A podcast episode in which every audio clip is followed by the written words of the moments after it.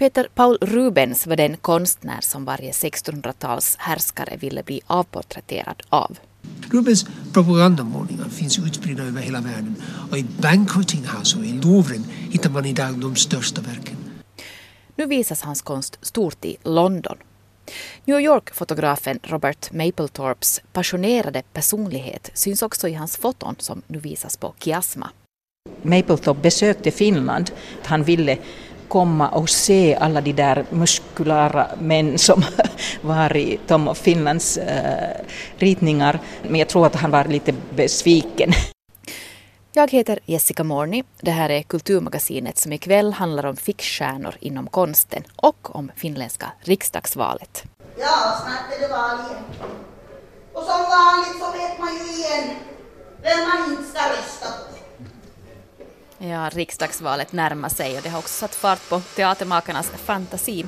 Igår var det premiär för Teatervirus turnépjäs Valet och kvalet, en föreställning som fått under rubriken politisk satir på högsta och lägsta nivå.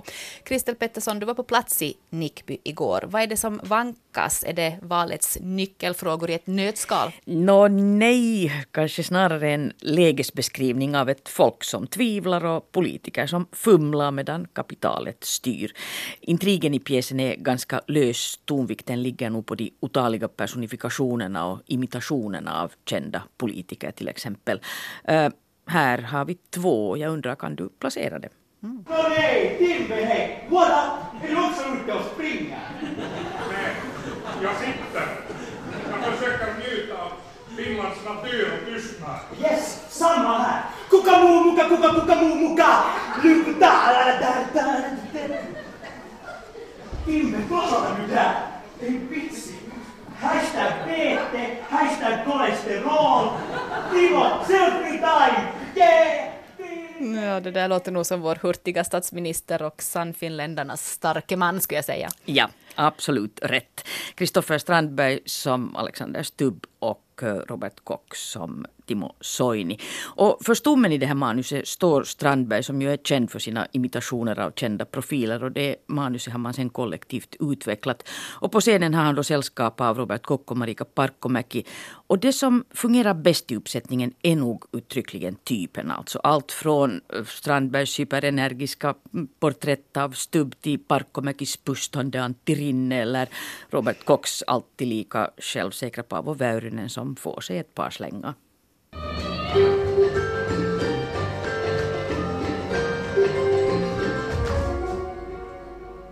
Anneli Jäätteenmäki.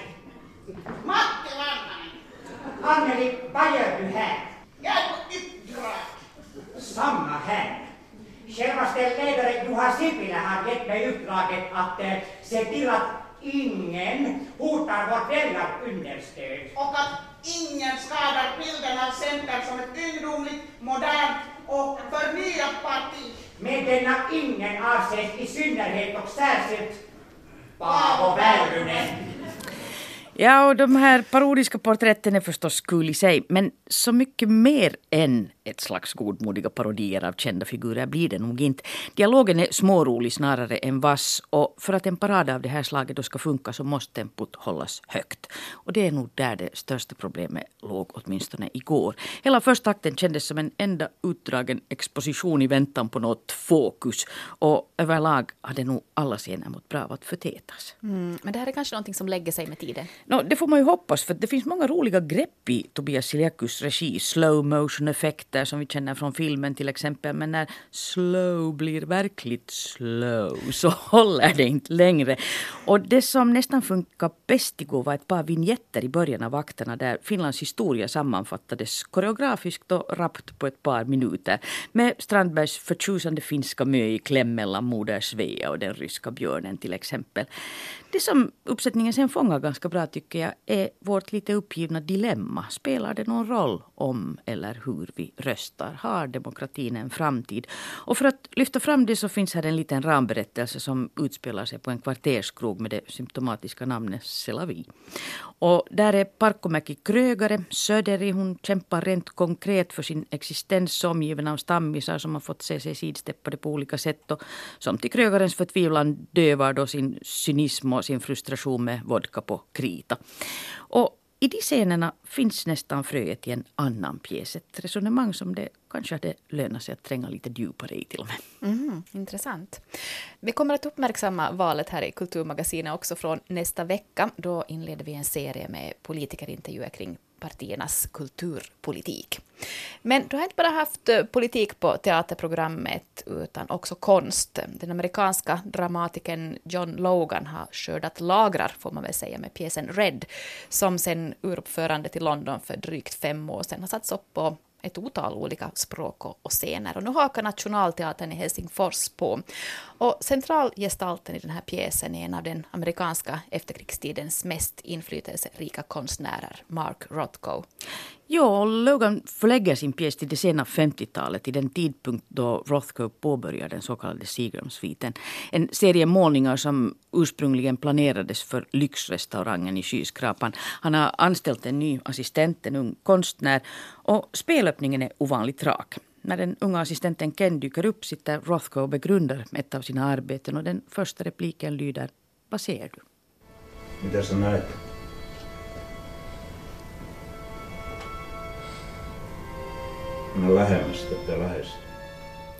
Det är en bra början. Som åskådare lotsas vi direkt in i en diskussion både om konstens väsen och upplevelserna av den. Som i Rothkos fall handlar om en andlig totalupplevelse. Ett sätt att få kontakt med det mest grundläggande och oartikulerade i vår existens. Och det var en strävan han delade med många av generationskamraterna inom det abstrakta efterkrigsmåleriet. Men vid den här tidpunkten så utmanas de redan av en ny generation som inte har så mycket till övers för vare sig det abstrakta måleriets kompromisslösa allvar eller ideal. Och så fort den där generationskonflikten har etablerats i Red så börjar det tyvärr gå både i text och uppsättning snett. På vilket sätt? Eh, Rothko själv var ju, han var ju ingen vän av popkonsten och han var ju ganska giftig i sin kritik just av, av popkonstens frammarsch. Jo, men istället för att låta då de här soppburksmålarna som Rothko visst lite föraktfullt kallar Warhol och hans generationskamrater komma till tal själva så använder Logan då den här fiktiva assistenten Ken som representant för de nya vindarna och vänder samtidigt hela det här dramat till ett förfärligt slitet fadersuppror där den här unga assistenten med en egen tragisk historia i bagage går igenom alla de där obligatoriska stadierna av kunskapstörst, beundran och revolt för att slutligen då landa i frigörelse och ett slags försoning. Ja mitkä luulot? Voi herra jumala, mitkä luulot? Kun mä en tunne! Mä en tunne ketään toista taidemaalaria! Toista ihmistä koko maapallolla! Joka olisi myös saatanasti yrittänyt olla merkittävä! Kun kaiken ei Konsekvensen här blir att det intressantaste i Logans pjäs, diskussionen om konst, snart bara framstår som ett slags rekvisita. Också i Nationalteaterns uppsättning, trots att Johanna von Bachs regi glider över de mest melodramatiska fällorna i den här texten. Seppo Pääkkönen gör inledningsvis en väldigt stram Rothko som med skolmästarens stränghet utsätter Olavi Uusivirtas assistent för en lektion i konsten att se. Men den allt mer accentuerade egocentrismen tar sen snabbt död på den där diskussionen.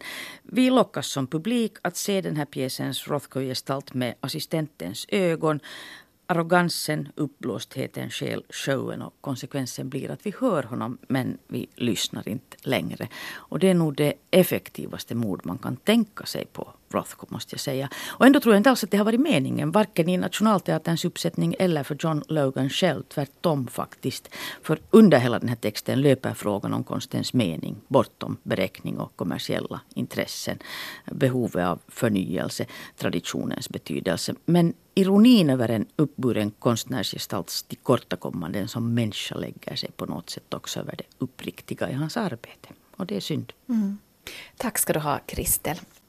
Vi ska stanna kvar i konstkretsarna i New York. Det senaste halvåret har konstmuseet Kiasma i Helsingfors varit stängt på grund av en omfattande renovering där man bland annat har förbättrat inomhusklimat och höjt energieffektivitet i huset. På fredagen nu då så slår man upp dörrarna för allmänheten och det gör man med en stor utställning som presenterar den amerikanske fotografen Robert Mapplethorpe som levde ett passionerat liv i konst och undergroundkretsarna i New York på 1970 och 80-talet. Marit Lindqvist har fått en förhandstitt på utställningen tillsammans med Kiasmas intendent Maria Sakari och de börjar med att notera att eh, många av fotografierna faller tillbaka på konsthistorien och arvet från antiken och att eh, Robert Mapplethorpe såg sig själv som en skulptör.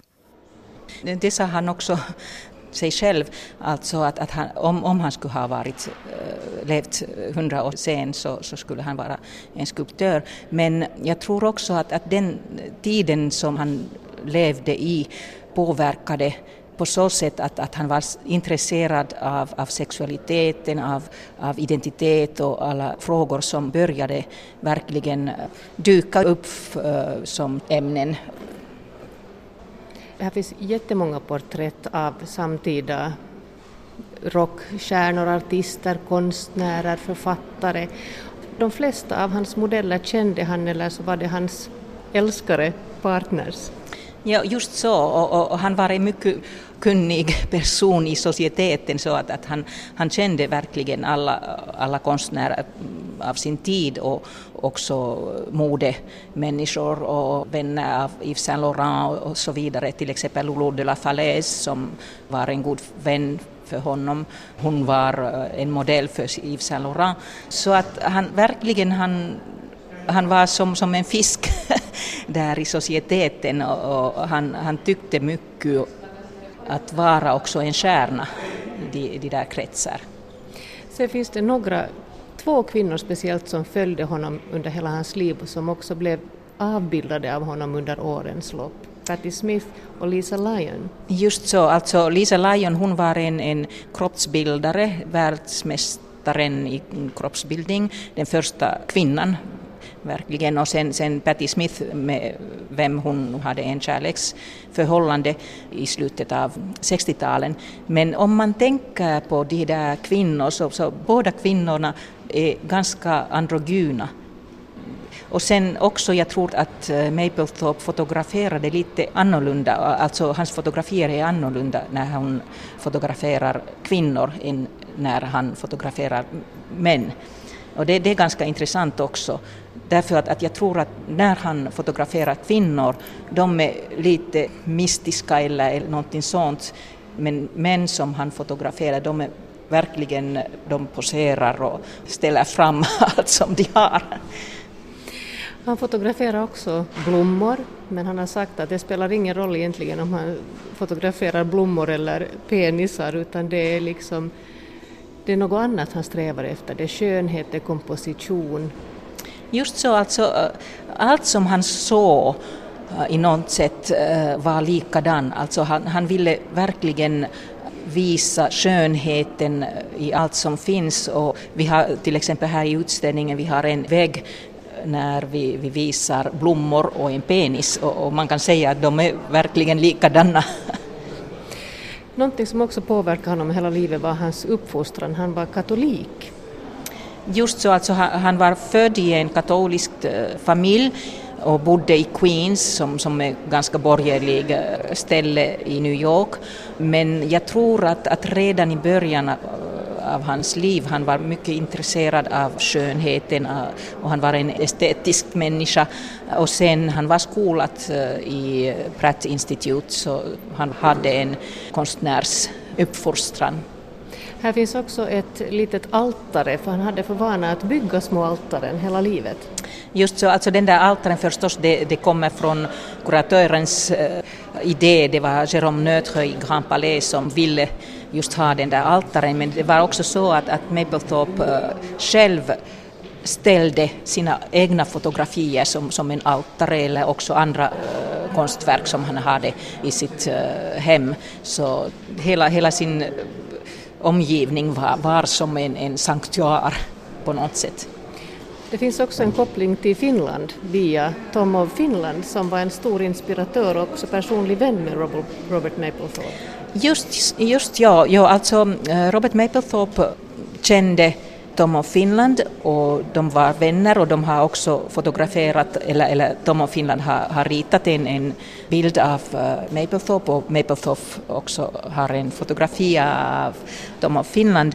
Och vi hörde också att, att verkligen Mapplethorpe besökte Finland och bodde i Tom of Finlands lägenhet i Eira. Och det var så att, att han ville komma och se alla de där muskulära män som var i Tom och Finlands äh, ritningar. Men jag tror att han var lite besviken efter att han kom till Finland, men det berättar inte den där historien. Marit Lindqvist hade besökt konstmuseet Kiasma och den stora Robert Mapplethorpe-utställningen som öppnar på fredag. En utställning som visas till och med den 13 september. Antagligen hade också Peter Paul Rubens, om han levt i vår tid, sysslat med fotografi. Peter Paul Rubens var också någonting av en 1600-talets Warhol med en omfattande konstproduktion där han hade hjälp av en mängd medarbetare. Just nu är Rubens föremål för en stor utställning på Royal Academy of Arts i London. Och Albert Ernroth har sett den här utställningen en utställning som också visar en mängd konstnärer som inspirerats av Rubens. Och Albert har sökt upp Rubens verk också på andra håll i London. Men först träffar vi Arturo Galancino för en analys av Rubens konstnärskap. He's a man that is in life had an incredible success. Uh, the richest man in Antwerp, a great entrepreneur. For this reason probably was not Jag talar med Arturo Galancino, en av kuratorerna för Rubens and his legacy, alltså Rubens och hans arv. En stor utställning på Londons Royal Academy som inte bara visar den flamländske mästarens skisser och målningar utan också verk av konstnärer som starkt påverkades av honom. Watteau, Constable, Gainsbury, Cézanne, Picasso, Francis Bacon och då nämner jag bara några få. Men i detta inslag fokuserar jag på Peter Paul Rubens. För att även om lyssnare inte hinner se specialutställningen erbjuder många av Londons konstmuseer som Courtauld Gallery, National Gallery, Wallace Collection och British Museum möjligheter att året runt se superba målningar, kopparstick och skisser utförda av barockmästaren och Banqueting House den kungliga festsalen i Whitehall som vi ska besöka är också mycket sevärd. Is innovative uh, also in the sense uh, that is the bridge between many generations, many era of art. He was very cultivated. He studied, spent almost a decade in Italy. He assimilated everything about the classic art and the Renaissance art. Of course, he knew very well the northern schools. Rubens var en mycket innovativ konstnär och han formar länken mellan olika stilriktningar, förklarar Galancino. Han var en välutbildad, berest och uppenbarligen charmig man. Som ung tillbringade Rubens nästan tio år i Italien medan han gjorde kopior i Venedig och Rom av antikens och renässansens konstverk i uppdrag av hertig Gonzaga i Mantua. So in a certain way he is the synthesis of his period and of everything was existing before. In this sense, he's an encyclopedic painter. In this sense, Delacroix was right when he defined Rubens the Homer of painters. Rubens målarteknik är allomfattande och den franska konstnären Eugène Delacroix som hade ett hat-kärleksförhållande till Rubens utropade honom till måleriets Homeros. Rubens mest livfulla konstverk uppvisar en barock syntes av allegori med propagandistiska syften, rörelse och sensualism. Hans färgbehandling är utomordentlig och konstnären Guido Reni sade att han tycktes blanda blod i färgen. Rubens behärskade dessutom ovanligt många genrer religiösa, mytologiska och historiska ämnen var kanske hans specialiteter. Men visst åstadkom han också levande porträtt. Hans landskap är nydanande. Definitely he tried new languages and new ways in, uh, in paintings. If you only think about the scale, creating a almost divine scale, something that is superhuman. In this sense was probably also inspired. Rubens var en förnyare Ingen av hans kollegor producerade verk i samma gigantiska skala. I brittiska samlingar hittar man få av Rubens religiösa verk. De finaste hänger i Antwerpens katedral och i det lokala konstmuseet. Peter Pauls far hade blivit tvungen att lämna Antwerpen på grund av kalvinistiska sympatier och unge Peter fick en katolsk utbildning i en jesuitskola i Köln. Ett antal av hans tidigaste uppdrag är för jesuitkyrkor och det har påståtts att jesuiterna jämnade vägen för hans internationella framgångar. Rubens blev motreformationens och jesuiternas viktigaste konstnärliga språkrör. For the most important patrons, the quality for the effort the painting was higher than for lower one. Of course, we know that Rubens often had the highest patronage existing at the time. Rubens propagandamålningar finns utspridda över hela världen och i Banqueting House och i Louvren hittar man idag de största verken. År 1622 började Rubens arbeta på ett uppdrag för Frankrikes enkedrottning Maria de Medici som tog många år att färdigställa. Det rörde sig om 21 enorma målningar som förhärligar de Medici som fredens beskyddare. Och ursprungligen prydde de ett helt galleri i Palais du Luxembourg i Paris. Idag kan man beundra på Louvre. As uh, all the very successful artists, Ruben had an, an incredibly big workshop. We don't know how many people were working there, but surely many, dozen of assistants. And uh, everybody working after the inventions of the master. For this reason, all the paintings by Ruben are a kind of mix, copy and paste of many inventions of the master. So there, there was Vi vet att Rubens gjorde alla skisser och planerade verken i Paris. Det stod nämligen i hans kontrakt. Men själva målningarna producerades huvudsakligen av hans lärlingar i ateljén i Antwerpen. Och mästaren retuscherade sedan ibland i slutskedet verket. Arturo Galancino tror att han hade minst ett dussintal lärjungar i tjänst. Annars skulle han aldrig ha lyckats producera så många tavlor på relativt kort tid. Konstnärsverkstaden sköttes i alla fall effektivt för att Rubens blev en förmögen man. Rubens work like the contemporary artists today. He worked uh, like kind of brand. So what was done by Rubens uh, was recognized tel quel because of the quality. Även om det, de, de stora verken ofta var lärjungarna som skötte penselföringen så övervakade mästaren alltid personligen de mest betydelsefulla beställningarna och målade själv vissa aspekter som till exempel ansikten. Många av Rubens lärjungar och medarbetare blev senare själv framgångsrika konstnärer. Anthony von Dijk, Jacob Jordans, David Deniers. Listan är väldigt lång och imponerande. Calancino påpekar att det inte är ovanligt för nutida konstnärer att ha en ateljé med flera medarbetare. Tänk på Andy Warhol, vars studio som kallades för The Factory, var en slags konstfabrik.